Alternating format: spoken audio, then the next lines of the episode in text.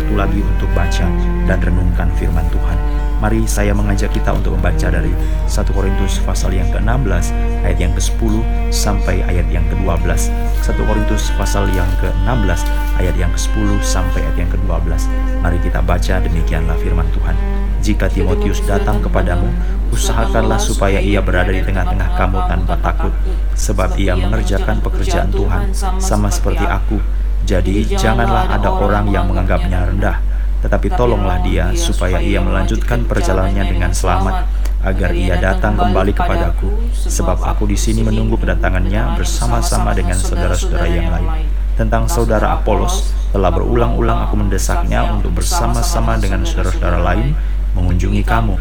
Tetapi ia sama sekali tidak mau datang sekarang. kalau ada kesempatan baik nanti ia akan datang Umat-umat kasih Tuhan, hari ini kita sampai pada bagian bagaimana Paulus mengatur segala sesuatu untuk pelayanan di Korintus. Kemarin kita sudah berkata bahwa kita sudah merenungkan bahwa Paulus berencana untuk datang ke Korintus dan itu adalah suatu rencana yang memang sesuatu hal yang baik. Tetapi pada akhirnya kita ketahui bahwa walaupun itu rencana yang baik, tetapi Roh Kudus tidak mengizinkannya. Ini membuktikan dalam segala sesuatu memang pimpinan Tuhan di atas segala-galanya dan hidup kita pun harus demikian. Tuhanlah yang memimpin. Mungkin kita punya rencana dan rencana itu tidak dapat disangkal itu adalah rencana yang baik. Tetapi belum tentu rencana yang baik itu disetujui oleh Roh Kudus untuk kita lakukan. Daud pun punya rencana yang baik untuk membangun bait Allah, tetapi Tuhan tidak mengizinkan dia untuk membangunnya. Oleh sebab itu, ada sesuatu periode yang baru waktu yang ditunggu sampai nanti Salomo anaknya yang membangun kerajaan atau e, bait Tuhan yang megah itu. Nah, oleh sebab itu saudara-saudara, mari kita belajar prinsip-prinsip Alkitab supaya jangan kita putus asa kalau kita mengalami kegagalan, kalau kita mengalami kesusahan, kalau kita mengalami kesulitan atau kalau kita menghadapi satu rencana tidak seperti yang kita bayangkan. Jangan berputus asa, jangan langsung menyalahkan Tuhan, atau menyalahkan diri sendiri sehingga hidup kita merasa gagal. Tidak percayakan hidup kita pada pimpinan Tuhan. Prinsipnya sederhana apabila kita hidup mau dengan setia dan jujur melakukan firman Tuhan menyangkal diri memikul salib maka kita sudah berada dalam jalur yang benar. Walaupun Rasul Paulus dia merencanakan kedatangan untuk pergi ke sana tetapi karena ini merupakan suatu hal yang dia belum tahu dengan pasti mungkin dia berkata tergantung pimpinan Allah jika Tuhan mengizinkan, tetapi dia telah mempersiapkan Timotius untuk pergi ke kota Korintus. Jadi Korintus itu adalah suatu kota yang sangat baik sekali, memiliki jumlah mungkin pada waktu itu sekitar 700 ribu orang. Jadi itu satu kota yang banyak sekali loh pada abad pertama, cukup banyak sekali 700 ribu orang. Kota Medan saja sekarang mungkin jumlah penduduknya adalah sekitar 2 juta orang atau 2 juta lebih sedikit. Jadi ini adalah suatu kota dengan penduduknya hampir setengah kota Medan. Bayangkan, padahal ini peristiwa sudah sekitar 2000 tahun yang lalu. Jadi kota itu kota yang ramai sekali. Tetapi walaupun kota itu ramai dan besar secara lahiriah, secara rohani mereka hidup dalam suatu kemiskinan dan keprihatinan yang sangat besar sekali. Di kota Korintuslah mereka mempraktekkan pekerjaan-pekerjaan yang katanya penuh dengan Roh Kudus, tetapi penuh dengan kehidupan-kehidupan yang sangat memprihatinkan. Ada perjinahan, ada percabulan, ada membuat orang yang menjadi tersandung sehingga imannya binasa, cara makan yang harus diatur, cara mereka berdoa berkebaktian, ada perempuan-perempuan yang begitu dominan dan merendahkan suami secara tidak sadar dan melawan hukum alam karena mereka beribadah dengan sangat bebas, tidak bertudung kepala. Kemudian mereka berkumpul, ada yang makan sampai mabuk, sampai kenyang, ada yang lapar. Itu sebabnya kacau sekali. Jemaat ini begitu memprihatinkan sehingga ada yang sakit, ada yang lemah dan bahkan tidak sedikit di antara mereka yang meninggal dunia. Bahkan walaupun mereka mempraktikkan hal-hal yang berkaitan dengan pekerjaan penuh Roh Kudus, tetap di mereka itu ada perpecahan-perpecahan. Termasuk juga dalam satu Korintus pasal yang ke-15 ada di antara mereka juga yang percaya bahwa tidak ada kebangkitan. Bagaimana mungkin dia bisa dipenuhkan dengan Roh Kudus tetapi tidak percaya tentang kebangkitan? Padahal Kristus yang mereka percaya itu adalah Kristus yang bangkit dari kematian. Jadi ini adalah suatu bukti nyata bahwa dinamika perkembangan, kehebatan, segala kekayaan yang mereka akui adalah kekayaan rohani itu justru sebenarnya hal-hal yang mempermalukan. Dan Paulus mengatakan kalimat, "Berapa kali aku hendak memalukan kamu?" untuk membuat kamu malu, untuk membuat kamu sadar, untuk membuat kamu insaf. Kita perlu Roh Kudus terus-menerus mensadarkan kita, menginsafkan kita waktu kita membaca firman Tuhan, langsung kita sadar, akulah orangnya itu. Sehingga kita terus-menerus mau diperbaharui pada waktu kita memiliki sifat seperti itu, mau dikoreksi oleh firman Allah setiap saat kita berada di jalan yang benar. Saudara-saudara yang dikasih Tuhan, Paulus mengirimkan Timotius untuk berbicara, untuk mengatur kepada orang-orang Korintus. Jika Timotius datang kepadamu ayat 10, usahakanlah supaya ia berada di tengah-tengah kamu tanpa takut. Usahakanlah supaya ia berada di tengah-tengah kamu tanpa takut. Timotius adalah seorang hamba Tuhan yang muda, yang masih sangat muda sekali. Bagaimana hubungannya dengan Paulus? Secara usia mungkin Paulus itu seperti ayahnya dan Timotius itu adalah anak suatu usia yang sangat senjang dan jauh sekali. Tetapi pada waktu Paulus tidak bisa datang atau Paulus belum bisa hadir ke Korintus, maka Paulus mengirimkan Timotius untuk datang ke sana. Ini adalah suatu hal yang beresiko atau ada kesulitan. Di mana kesulitannya? Saudara-saudara Korintus itu adalah kota yang banyak jemaat apa namanya? Jemaat di sana adalah orang yang mengalami begitu banyak kesedihan, keprihatinan tetapi di situ juga ada orang-orang yang mungkin lebih kaya daripada yang lain yang memiliki pengaruh dan hidup dengan sangat angku dan sombong sehingga dosa mereka itu tidak ditegur, dibiarkan karena mungkin mereka punya pengaruh. Bagaimana mungkin di tengah-tengah kekacauan seperti ini dan di lain pihak ada orang-orang yang memiliki status yang lebih baik dan lebih tinggi kemudian berhadapan dengan seorang hamba Tuhan yang masih sangat muda sekali. Bagaimana mungkin? Sedangkan Paulus seorang rasul saja tetap ada orang yang menentangnya itu sebabnya kalau kita baca dalam surat Korintus pada bagian yang pertama dikatakan ada orang yang mengatakan aku adalah golongan Apolos, ada juga yang mengatakan aku golongan Paulus, ada juga aku mengatakan adalah golongan Kefas, ada juga mengatakan aku golongan Kristus. Apa maksudnya? Orang-orang yang menyatakan golongan Paulus mereka sangat ngefans dengan Paulus. Tetapi orang-orang yang mengatakan aku adalah golongan Apolos berarti dia tidak respect dengan Paulus. Aku adalah orang Kefas, dia berarti tidak terlalu respect menghormati Paulus. Itu sebabnya jika Paulus saja rasul yang usianya sudah lebih tua dan kondisi emosi sudah lebih matang dan suatu perasaan dalam sosial dia sudah lebih diakui, dia saja adalah orang yang tidak terlalu respect, ada orang yang menolak. Bagaimana lagi jika Timotius yang lebih muda datang ke sana? Pasti lebih banyak yang menolak. Nah, itu sebabnya Paulus mengatakan, "Jika Timotius datang kepadamu, usahakanlah supaya ia berada di tengah-tengah kamu tanpa takut."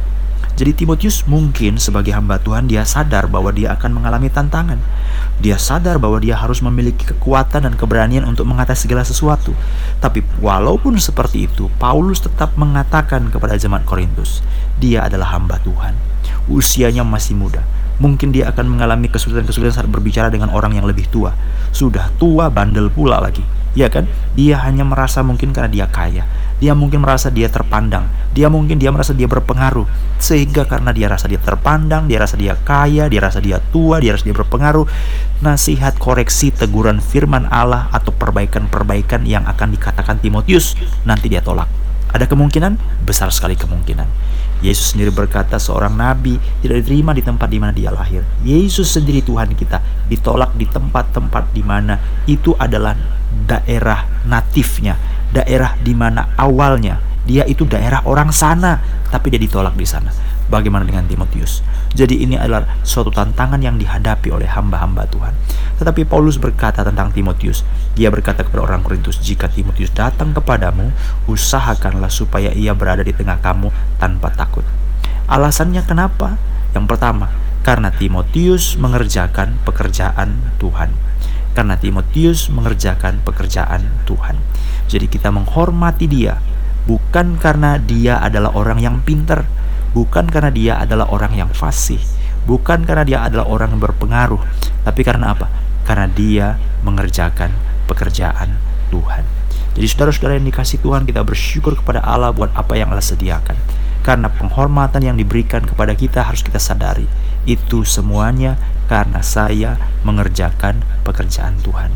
Andai kata tidak, saya akan sama seperti yang lain. Betapa anugerah Allah besar, betapa pekerjaan Allah, betapa kasih Allah, betapa kemurahan Allah telah menempatkan kita pada satu tingkat di mana kita berbahagia dan dihargai. Saudara-saudara yang dikasih Tuhan, biarlah kita memiliki suatu sifat dan perasaan ini. Mari kita menghargai mereka-mereka yang mengerjakan pekerjaan Tuhan. Alkitab berkata dalam kitab Taurat, jangan memberangus mulut lembu yang sedang mengirik. Apa artinya? Biarkan dia makan, biarkan dia menikmati, biarkan dia melakukan, melakoni pekerjaannya, jangan diganggu. Apa maksudnya? Bahwa setiap orang yang sedang melakukan pekerjaan-pekerjaan Tuhan, maka dia harus diberikan kesempatan, keluasaan untuk fokus, untuk betul-betul tajam, untuk betul-betul sungguh-sungguh menjalankan tugas pekerjaan itu dengan tidak diganggu, dibebani dengan apa pun juga. Jadi kenapa diberikan hormat seperti ini kepada Timotius? Karena dia mengerjakan pekerjaan Tuhan. Jadi ayat 11, janganlah ada orang yang menganggapnya rendah. Tetapi tolonglah dia supaya ia melanjutkan perjalanannya dengan selamat agar ia datang kembali kepadaku sebab aku di sini menunggu kedatangannya bersama-sama dengan saudara-saudara yang lain. Berarti yang kedua yang kita bisa pelajari adalah Paulus juga mengatakan, "Kamu hargai dia karena pekerjaan yang dikerjakannya adalah pekerjaan Tuhan, sama seperti aku." Yang kedua, kamu hargai dia karena keberadaan dia juga penting sekali bagiku, kata Rasul Paulus. Jadi, Timotius diberikan suatu peringatan kepada orang Korintus karena dia mengerjakan pekerjaan Tuhan. Hargailah dia. Yang kedua, karena dia juga, karena aku, kata Paulus, hargailah dia. Jadi penghormatanmu kepada Timotius adalah penghormatanmu kepadaku. Karena Timotius adalah orang yang sangat aku butuhkan bagi pelayananku. Begitulah kata Paulus. Jadi saudara-saudara, ingatlah ini yang boleh kita renungkan pagi hari ini. Jika saudara sungguh-sungguh hidup mengerjakan pekerjaan yang Tuhan inginkan saudara kerjakan, maka penghormatan, sesuatu yang dihargakan, itu akan diberikan Allah kepada saudara. Yang kedua, jaminan yang diberikan oleh Paulus adalah dirinya sendiri karena dia begitu dibutuhkan. Dan kita juga percaya saudara-saudara, apabila saudara-saudara sungguh-sungguh menjadi anak Tuhan yang dapat memposisikan diri di mana apa yang dibutuhkan saudara ada di sana. Apa yang dibutuhkan saudara ada di sana. Jangan ada kebutuhan saudara lari. Kita lagi butuh orang untuk begini, saudara lari, saudara sembunyi. Tapi kita ada butuh orang seperti ini, biar saya mengerjakannya, biar saya mengerjakan, biar saya mengerjakannya. Nah ini Timotius sehingga betapa dia dibutuhkan Paulus mengatakan ke mana dia pergi tolong pastikan dia dapat dibantu jadi inilah suatu kebahagiaan orang-orang yang dapat menjadi bantuan bagi orang lain yang sangat bermanfaat bagi orang lain dia akan mengalami suatu anugerah daripada Tuhan. Saudara-saudara ingat, pengharapan kita bukan pada manusia, pertolongan kita bukan pada manusia. Kalau kita sungguh-sungguh setia kepada Allah, maka hal-hal yang penting untuk menolong hidup kita telah disediakan oleh Allah. Jadi biarlah kita bersyukur untuk hal itu. Hal yang kedua yang kita renungkan pada hari ini adalah bukan saja perihal Timotius dengan segala hal yang dimintakan oleh Paulus, tetapi yang kedua adalah tentang Apolos. Jadi yang pertama tentang Timotius dan yang kedua tentang Apolos. Tentang Timotius, tolong beri hargai dia supaya dia di tengah-tengah mudanya bisa melayani dengan sungguh. Karena apa? Karena pekerjaan Tuhan. Karena dia sangat berbantu bagiku dan bagi orang-orang lain tolonglah berikan semua itu yang sepatutnya dia terima. Waduh, berbahagia. Tetapi yang kedua, Paulus juga mengatakan tentang Apolos.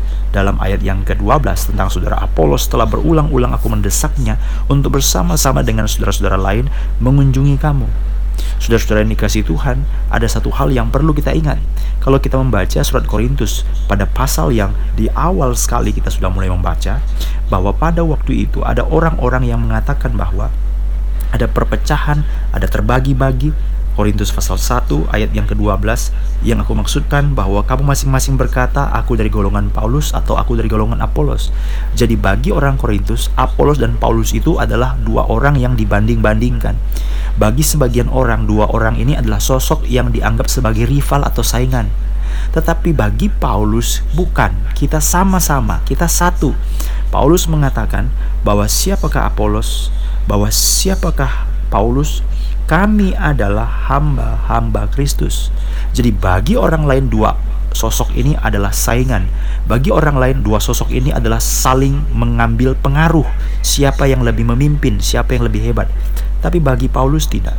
Bagi Paulus, baik Apolos, baik aku, sama-sama pelayan Kristus. Itu sebabnya Paulus sendiri tidak menganggap Apolos sebagai saingan, tetapi dia justru mengatakan jadi kembali lagi Korintus ini adalah jemaat yang didirikan oleh Paulus sendiri. Tetapi walaupun ada di situ orang-orang yang menolak Paulus, tidak respect kepada Paulus, tetapi mereka lebih merespek atau menghormati Apolos, lebih ngefans, lebih favorit dengan Apolos. Paulus tidak mencegah Apolos jangan datang, tidak. Paulus tidak berkata, Apolos jangan datang ke situ ya, nanti semua orang Korintus jadi suka sama kamu. Enggak. Justru Paulus berkata dalam 1 Korintus pasal yang ke-16 ayat yang ke-12 tentang saudara kita Apolos, aku berulang-ulang berulang-ulang mendesaknya. Ayo dong Apolos, pergilah ke Korintus. Ayo dong Apolos, datanglah ke Korintus. Ayolah Apolos, lihatlah jemaat yang di sana. Betapa mereka itu juga ada yang menunggu-nunggu kamu dan betapa mereka semua membutuhkan pelayanan kamu. Di sana keadaannya sedemikian sedemikian sedemikian. Ayo pergilah ke sana. Jadi Paulus sendiri mendesak, Paulus sendiri memberikan pintu yang selebar-lebarnya, tidak membatas-batasi. Walaupun bagi orang di Korintus, Apolos dengan Paulus itu seperti di diadu atau seperti dibanding-bandingkan. Tapi bagi Paulus ini bukan masalah harga diri, tidak ada, tidak ada. Bukan, aku adalah hamba Kristus. Biarlah orang-orang semakin bertambah-tambah. Biarlah kerajaan Allah dipermuliakan, bukan aku yang dipermuliakan, bukan manusia yang dipermuliakan. Alkitab mengatakan dalam surat Yohanes bahwa jika seseorang itu tidak dikaruniakan dari atas dari Allah, tidak mungkin dia mendapatkannya. Jadi kalau Apolos mendapatkan penghargaan yang tinggi, pasti itu memang dari Tuhan. Tuhan mengizinkannya, Tuhan memberikannya. Jadi jadilah kehendak Tuhan. Itu sebabnya Paulus tidak merasa sesuatu hal yang berlebihan. Nah, saudara-saudara yang dikasih Tuhan, kalau kita lihat orang lain lebih maju daripada kita, saudara iri atau tidak? Kalau saudara lihat orang lain lebih hebat daripada kita, saudara iri atau tidak? Kalau kita lihat orang lain lebih memiliki suatu kemajuan-kemajuan yang pesat dibandingkan kita, saudara iri atau tidak? Ingatlah, segala sesuatu untuk kemuliaan bagi nama Tuhan, segala sesuatu yang baik untuk terpujinya nama Tuhan, biarlah itu terjadi. Tidak usah iri, tidak usah iri dengan orang lain, tidak usah membatas-batasi, tidak usah mem-setting-setting, mengatur-ngatur supaya orang lain itu menjadi jauh dan batal. Jangan. Belajarlah dari apa yang Paulus lakukan. Bagaimana dia memberikan Timotius supaya orang Korintus diajar dari prinsip-prinsip rohani dari segala kekeliruan. Bagaimana Timotius diberikan suatu dorongan untuk pergi dan orang Korintus diminta untuk menghargai dia karena pekerjaan Tuhan. Demikian juga karena Timotius begitu dibutuhkan oleh Paulus sehingga ke mana pun dia pergi termasuk kepada orang Korintus hormati dia. Waduh, jadi semua itu diberikan oleh Tuhan. Demikian juga pada waktu berbicara tentang Apolos. Walaupun orang-orang membandingkan antara hebat mana Paulus dengan Apolos. Paulus tidak mempersoalkan itu. Justru dia mengatakan, silahkan saudara Apolos, pergilah ke Korintus. Perbaikilah, koreksilah, ajarlah, tuntunlah jemaat-jemaat di sana. Supaya mengenal Tuhan semakin sungguh-sungguh. Dia membuka pintu lebar-lebar Walaupun jelas ada orang-orang yang terlalu fans dan merendahkan Paulus, bagi dia tidak. Jadi kalau ada orang yang lebih maju, kalau ada orang lebih hebat, biarlah terpuji nama Tuhan. Yang penting pekerjaan Tuhan semakin semakin dipermuliakan. Biarlah hidup kita kita serahkan dalam tangan Tuhan setiap waktu.